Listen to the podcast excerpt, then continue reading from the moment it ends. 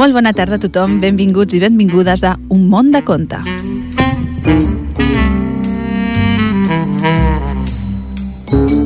Doncs sí, un dimecres més, el Jordi Puy, al control tècnic i jo mateixa, la veu, la Mar Viera. Abans de començar el programa us demano disculpes per avançat per aquesta veu, perquè bueno, ha vingut el fred, ha vingut la calor, hem estat així amb temperatures altes, baixes, i què ha passat? Pues refredat, o sigui que tenim una veu una miqueta de nas, potser que el Jordi m'hagi de fer algun cop de mà perquè ve entrar la tos, o sigui que bé, avui a veure com sortim. Per això, disculpes per avançat. I com sempre diem, si ens esteu escoltant és perquè ens heu trobat i perquè sabeu que estem a l'emissora municipal, a Ripollet Ràdio, al 91.3 de la FM i que si no ens podeu escoltar avui, xe, no passa res, tranquils. Ens trobeu a www.ripolletradio.cat.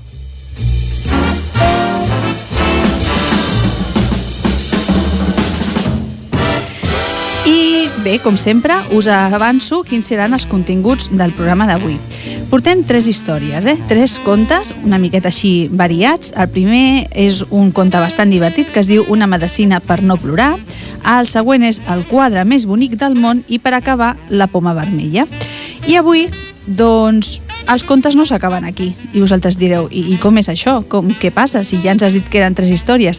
Doncs bé, perquè la música que posem avui, la música que portem, l'artista que ens acompanyarà, ens ve a explicar més històries. És la Lídia Pujol. Quan va ser fora del bosc, la vella es posa a riure i amor.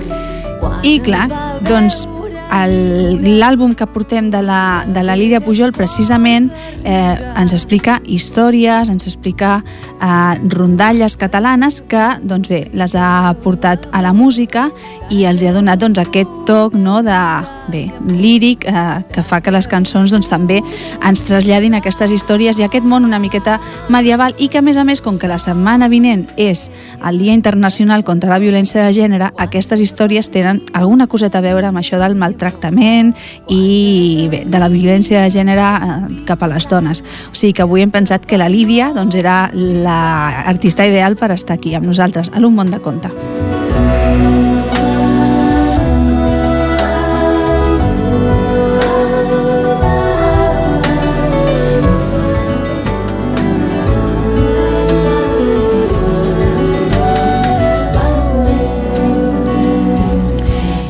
Avui doncs, anem, parlem d'un dia internacional i ens anem cap a un altre. I bé, doncs, no sé si vosaltres sabeu doncs, que avui és el Dia Internacional dels Drets dels Nens. Sí, és un dia doncs, eh, bastant especial perquè bé, doncs, realment és un dia en què les Nacions Unides doncs, celebren aquesta fraternitat entre els nens, aquesta manera d'entendre'ls i aquesta manera doncs, de lluitar pels seus drets. Bé, el que va dir eh, la conferència internacional que va, bueno, que va demanar que els països i que, i que les nacions doncs, celebressin aquest dia va ser doncs, que havia d'existir això, un dia internacional dels drets dels infants i que cada país o cada nació doncs, triés quin era el dia que, bé, que, creien que era l'oportú per, per celebrar aquesta data. I aquí doncs, la ONU, l'Organització Nacional de les, de les, l'Organització de les Nacions Unides, el que va ser va ser triar precisament el dia d'avui, el 20 de novembre, per celebrar aquest dia. Aquest dia no només parlem del dret dels infants, del dret que tenen doncs, en els diferents àmbits, eh? des de l'educació a que tinguin cura d'ells, a que tinguin unes condicions dignes, sinó que també parlem doncs bé, de nens que tenen problemes per continuar subsistint, per nens que tenen problemes doncs, per tenir menjar al dia a dia, perquè viuen en unes condicions molt precàries, i també és un dia de celebrar doncs, que mica en mica anem aconseguint avanços i que la mortandat infantil doncs, es va reduint i els percentatges són doncs, cada cop més petits.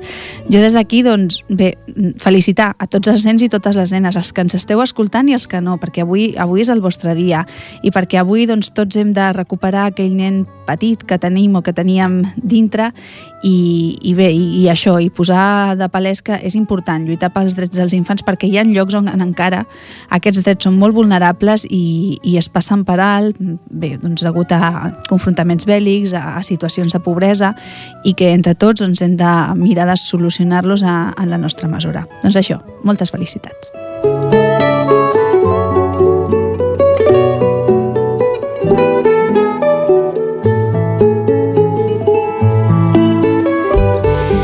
Doncs comencem amb la primera història, amb el primer conte, que és el que es deia que era una miqueta divertit, perquè els altres són potser històries més serioses, i és un que es titula Una medicina per no plorar, del David Paloma. És un llibre que el trobareu a l'editorial EDB i que té il·lustracions de la Mercè Arànega, per cert, unes il·lustracions molt, molt boniques i, com deia, molt divertides. Una medicina per no plorar. Una vegada hi havia una nena que es deia Mar i que plorava per qualsevol cosa. Si no volia menjar, plorava. Si no tenia llapis de colors, plorava. Si no estava amb la seva mare, plorava. Però si volia menjar, plorava perquè no passés l'hora de menjar. I si tenia llapis de colors, plorava perquè no li agradaven. I si estava amb la seva mare, doncs també plorava, i molt, sense que ningú no sabés el per què. Així és que un dia els seus pares la van portar a cal metge i la Mar, és clar, va plorar com una Magdalena. Per què plora aquesta senyoreta? li va dir el metge encuriosit. El pare i la mare van alçar alhora les espatlles perquè no ho sabien i la Mar, la Mar va continuar plorant. Estava feta un mar de llàgrimes. El metge li va mirar la boca, les orelles, el nas, els ulls i la panxa Se la va mirar de dalt, de baix, del costat, del dret i del revés. Però quan li va tocar els peus, la Mar, de sobte, va parar de plorar i es va posar a riure una mica. Ah, mira com riu la senyoreta, va exclamar el metge mentre li anava fent pessigolles. I la Mar es va posar a riure una mica més. Aleshores, el metge va seure's i va apuntar en una llibreta la recepta per curar la nena. Pessigolles a les plantes dels peus cada 8 hores durant una setmana. Si no li passés la plorera, pessigolles cada hora. I també un xarop amb un nom molt estrany, Aixetil. Un xarop? va preguntar la mare. Ex, no li agraden gens els xarops a la mar. Sí, un xarop molt bo que serveix per tancar les aixetes. Quines aixetes? va preguntar la mar. Unes aixetes que tenen els nens i les nenes amagades darrere els ulls i que de tant en tant endegoten. La nena es va fregar els ulls i va fer una rialla de galta a galta. Al cap d'una setmana justa, la medicina va fer efecte. La Mar no plorava mai més per qualsevol cosa. La veritat és que ja només plorava de riure, quan li feien pessigolles, moltes pessigolles. I per si algun dia se li tornaven a fluixar les aixetes, ara ja sabia que havien inventat una medicina per no plorar.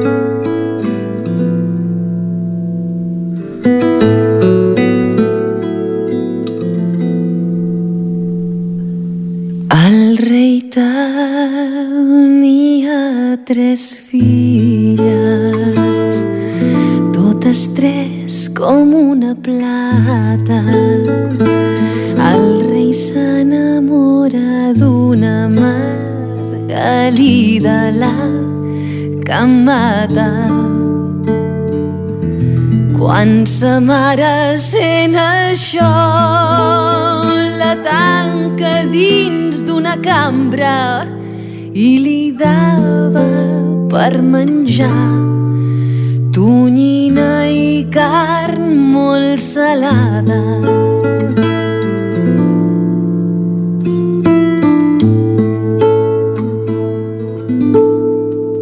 Ella de set que tenia per la finestra guaitava i va veure els seus germans que amb boletes d'or jugaven. Oh, germans, els meus germans en tot or hora us deman gràcia, me voleu d'un tassó d'aigua i la glòria us serà dada. No la veuràs traïdora, no la veuràs no malvada, no haguessis volguda ser de ton pare s'estimada. Ella de set que tenia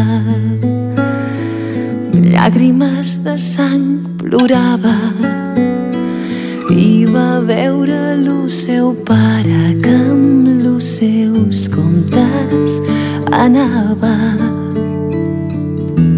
Oh pare, lo pare meu, en tota hora us deman gràcia, me voleu d'un tassó d'aigua i la glòria us serà dada.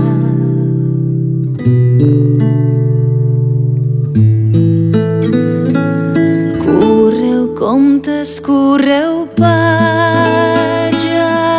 aigua, ma filla estimada, que el primer que serà d'alma corona haurà guanyada. Quan fora Nadal, los comptes la veranca badallava. Els àngels li feien llum la verge la coronava son pare morí fou sant sa mare fou condemnada i ella se'n puja a l'ocel pels àngels acompanyada.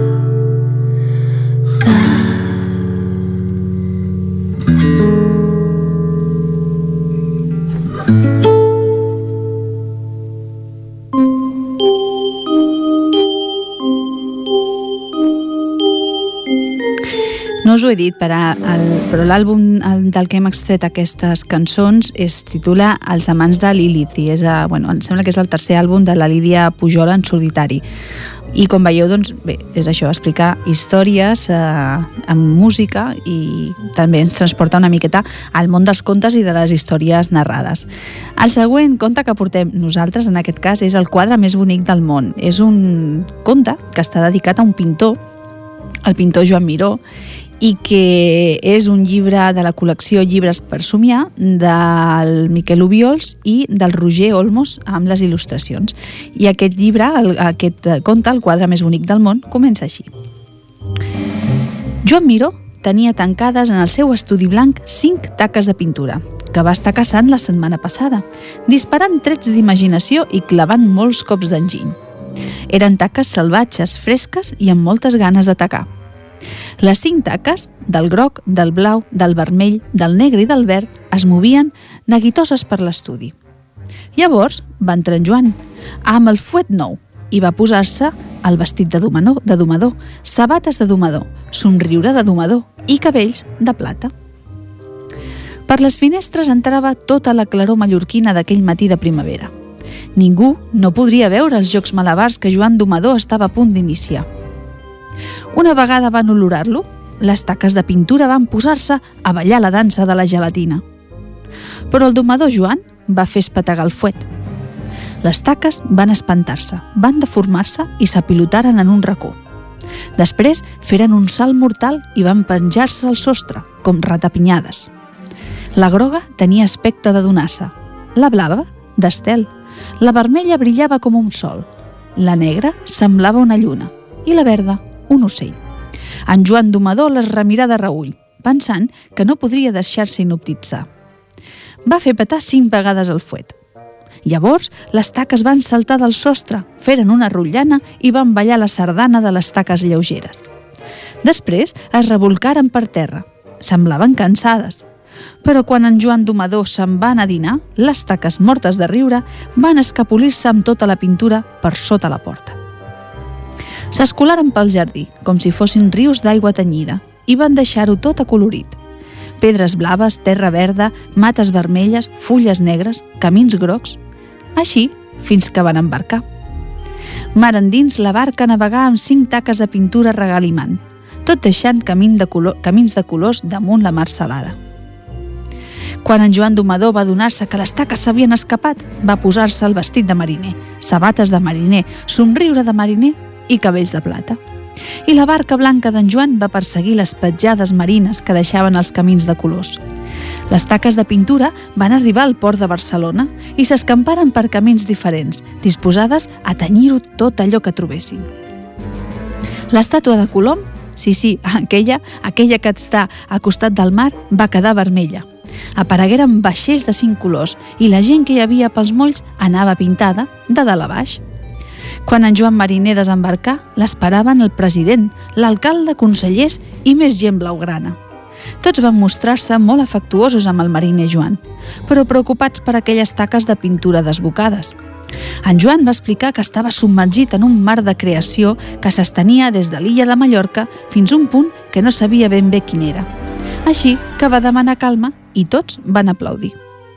En Joan va posar-se el vestit de recuperar taques, sabates de recuperar taques, somriure de recuperar taques i cabells de plata. I pujar l'helicòpter blanc de recuperar taques, pilotat per tres pintors tafaners que volien descobrir el punt de mira de Miró.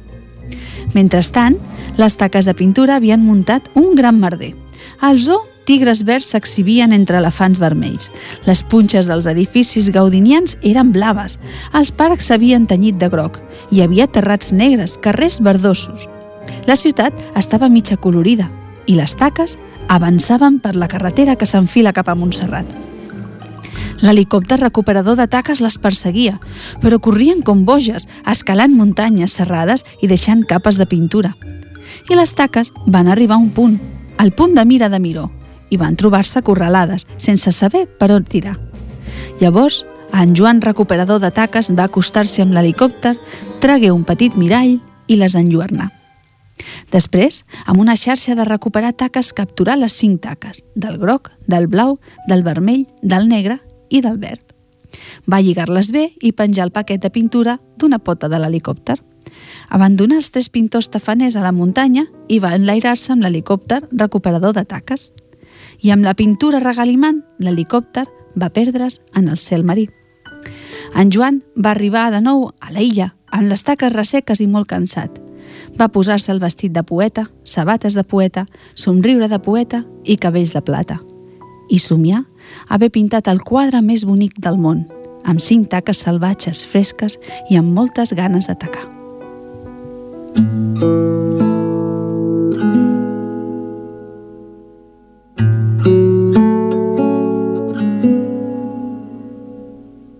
No sé ni els anys que han anat passant des de que aquí sóc moliner. Les rodes giren, els dies passen, m'he tornat vell i desvalgut.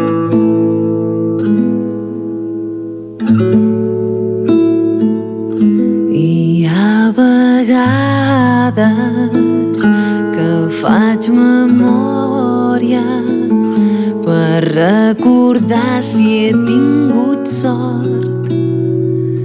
Les rodes giren, els dies passen i cap resposta ve d'enlloc.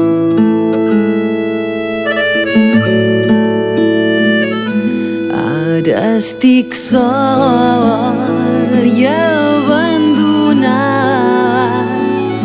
Dona i infants tots han fugit.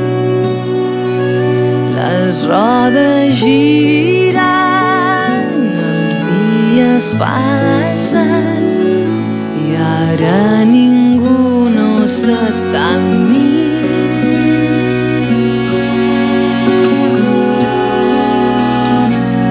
Sentit dir que em volen fer fora del poble on visqui del molí. Les rodes giren, els dies passen sense aturar-se i sense fi.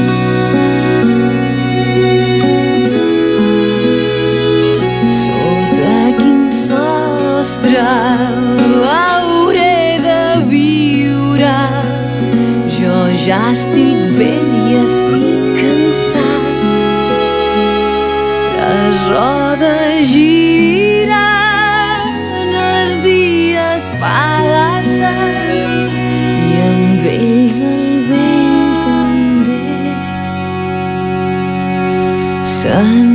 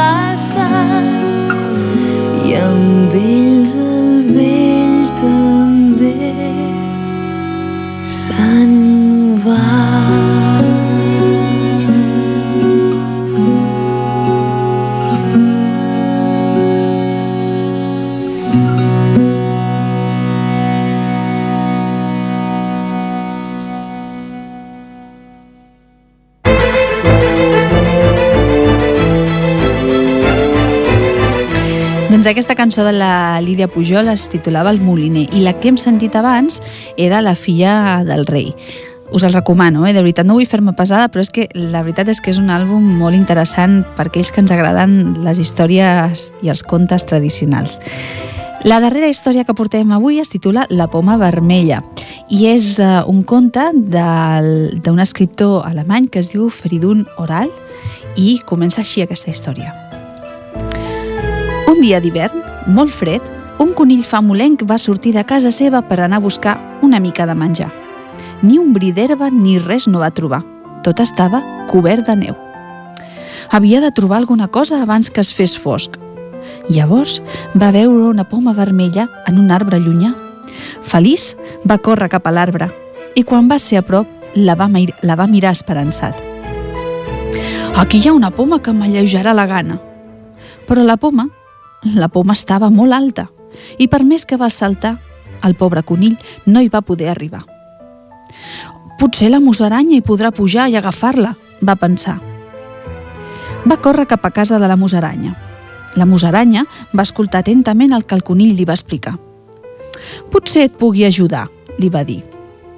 Però quan van arribar a l'arbre, la musaranya li va dir No puc pujar, sóc massa petita i podria caure. Potser la podria agafar si m'enfilo sobre el teu cap. Però la poma estava molt alta i per més que ho van intentar, no hi va poder arribar. Llavors va passar la guineu rabassuda, que arribava tossint d'un passeig matinal. La van saludar alegrement amb les mans. La guineu rabassuda, mentre se'ls acostava amb els seus ulls curiosos, va mirar d'entendre què passava. El conill i la musaranya, molt il·lusionats, li van ensenyar la poma. «Que pots agafar aquesta poma per nosaltres?», li van preguntar. La guineu rabassuda es va mirar la poma i després va dir «Hmm, és una poma molt bonica, però estic una mica constipada i no em puc enfilar als arbres. Potser la pugui fer caure amb la cua». Es va aixecar sobre les dues potes del davant i va estirar la seva llarga cua. Però per més que ho va intentar, no hi va poder arribar. La musaranya va tenir una idea. Si ens pugem l'un damunt de l'altre, serem més alts i llavors arribarem a la poma, va dir la musaranya. Així ho van fer. Però per més que ho van intentar, no hi van poder arribar. Finalment, es van asseure sota la pomera i van pensar com podien agafar la poma. Van estar hores parlant i discutint. Parlaven nerviosos i cridant, fins que van escoltar el grunyit de l'os, que s'havia despertat amb l'escàndol. Li van explicar tot a l'os i li van demanar si podia agafar la poma per ells. «Estic vell i ja no em puc enfilar els arbres», va respondre. «Llavors, deixa'ns pujar les teves espatlles», va suggerir el conill. Es van tornar a col·locar sota la pomera i van pujar un damunt de l'altre. La musaranya gairebé tenia la poma, però llavors, llavors la guineu va esternudar tan fort que van perdre l'equilibri i van caure tots a terra. Es van quedar asseguts a terra mirant-se els uns als altres sorpresos, perquè tenien la poma al seu davant. «Urra! Ho hem aconseguit!» van dir, i van compartir la poma vermella. Després, cansats i amb la panxa plena, van dormir abraçats dins la cova del gran os.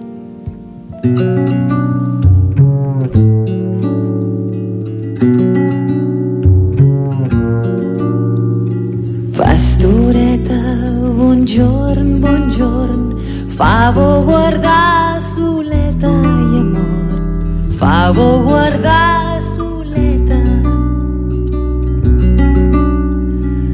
Ai, soleta, no hi guardi, no, hi ha mon germà i mon pare i amor, hi ha mon germà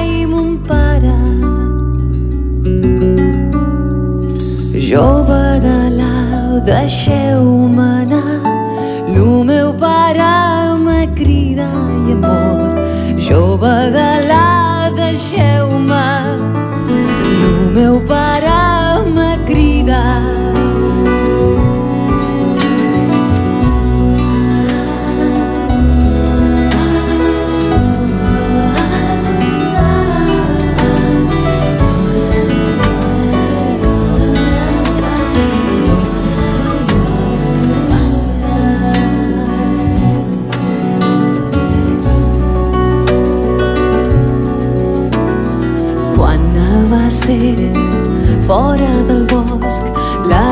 es posa a riure i amor. Quan es va veure lliure, la vella es posa a riure. Ai, de què vos rieu, amor? De què vos podeu riure i amor? De què vos podeu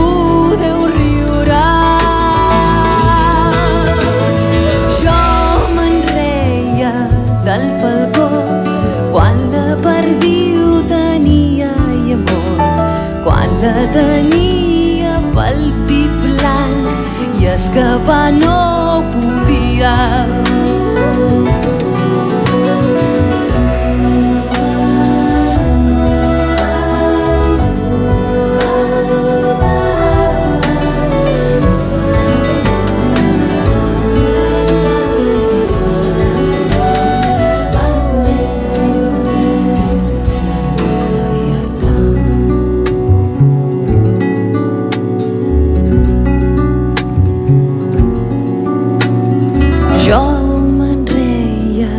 Del falcó quan la perdiu tenia i amor, quan la tenia presa i escapar no podia. Ai, pastora, tornem al bosc, sent escuts vos daria i amor,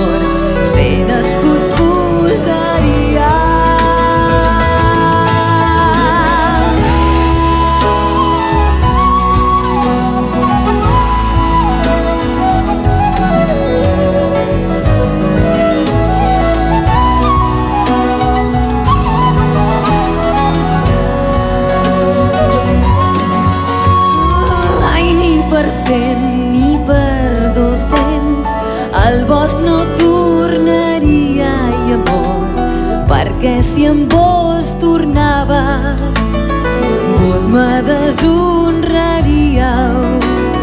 Perquè si amb vos tornava vos me deshonraríeu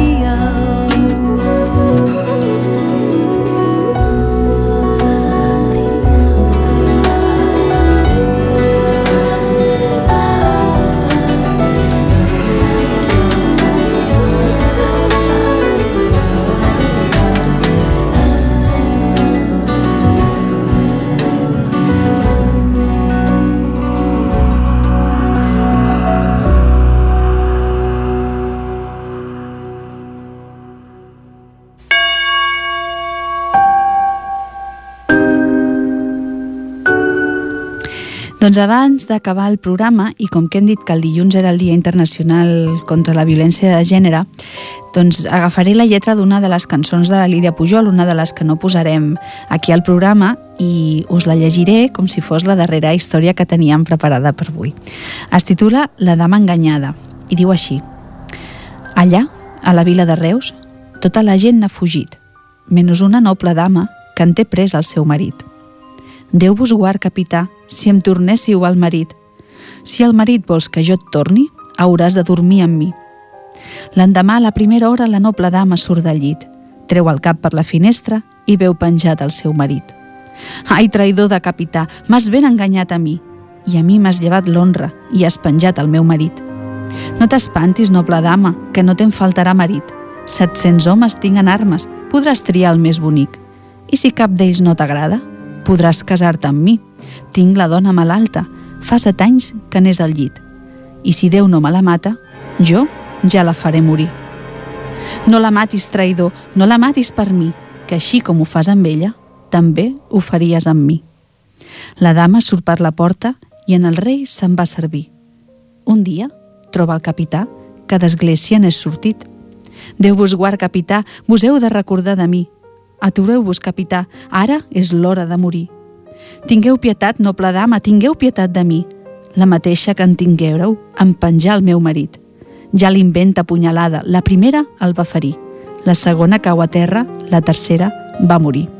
Que Déu sia qui et perdoni, capità, en tu i el meu marit.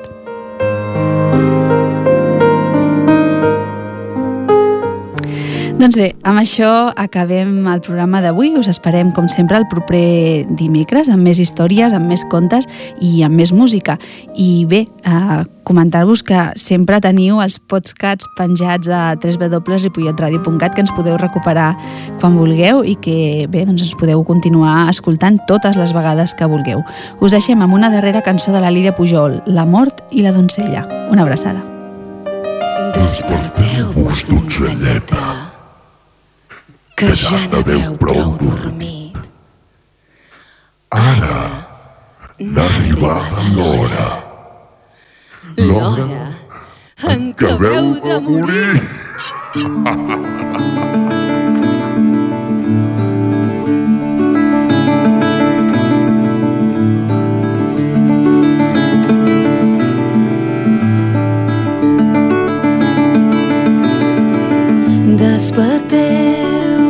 Desperteu si dormiu, desperteu-vos, pare i mare, que jo veig un rostre tal que no a part persona humana. Donzelleta com viviu, com viviu tan descuidada. Sense pensar que la mort ve a l'hora pensada.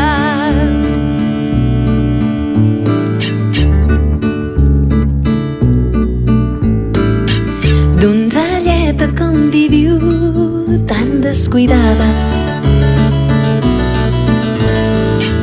Donzelleta com viviu tan descuidada. Fugiu d'aquí, cucafera, no m'endur neu de l'espant que jo porto la bandera de les nines principals la bandera que porteu. De res vos servirà ara perquè tot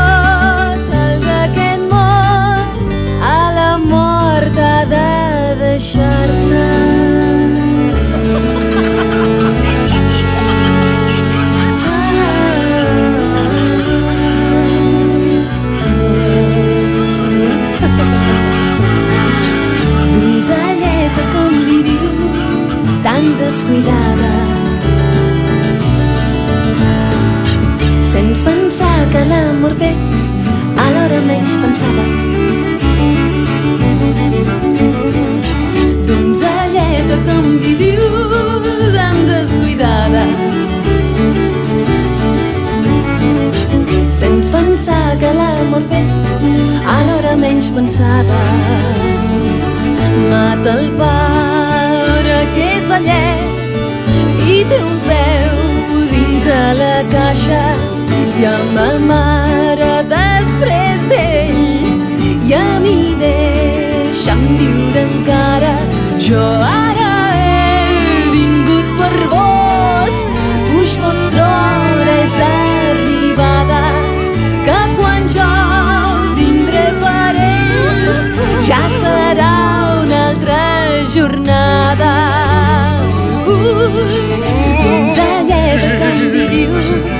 tan descuidada. Hemos pensado amor de a lo lejos pensado.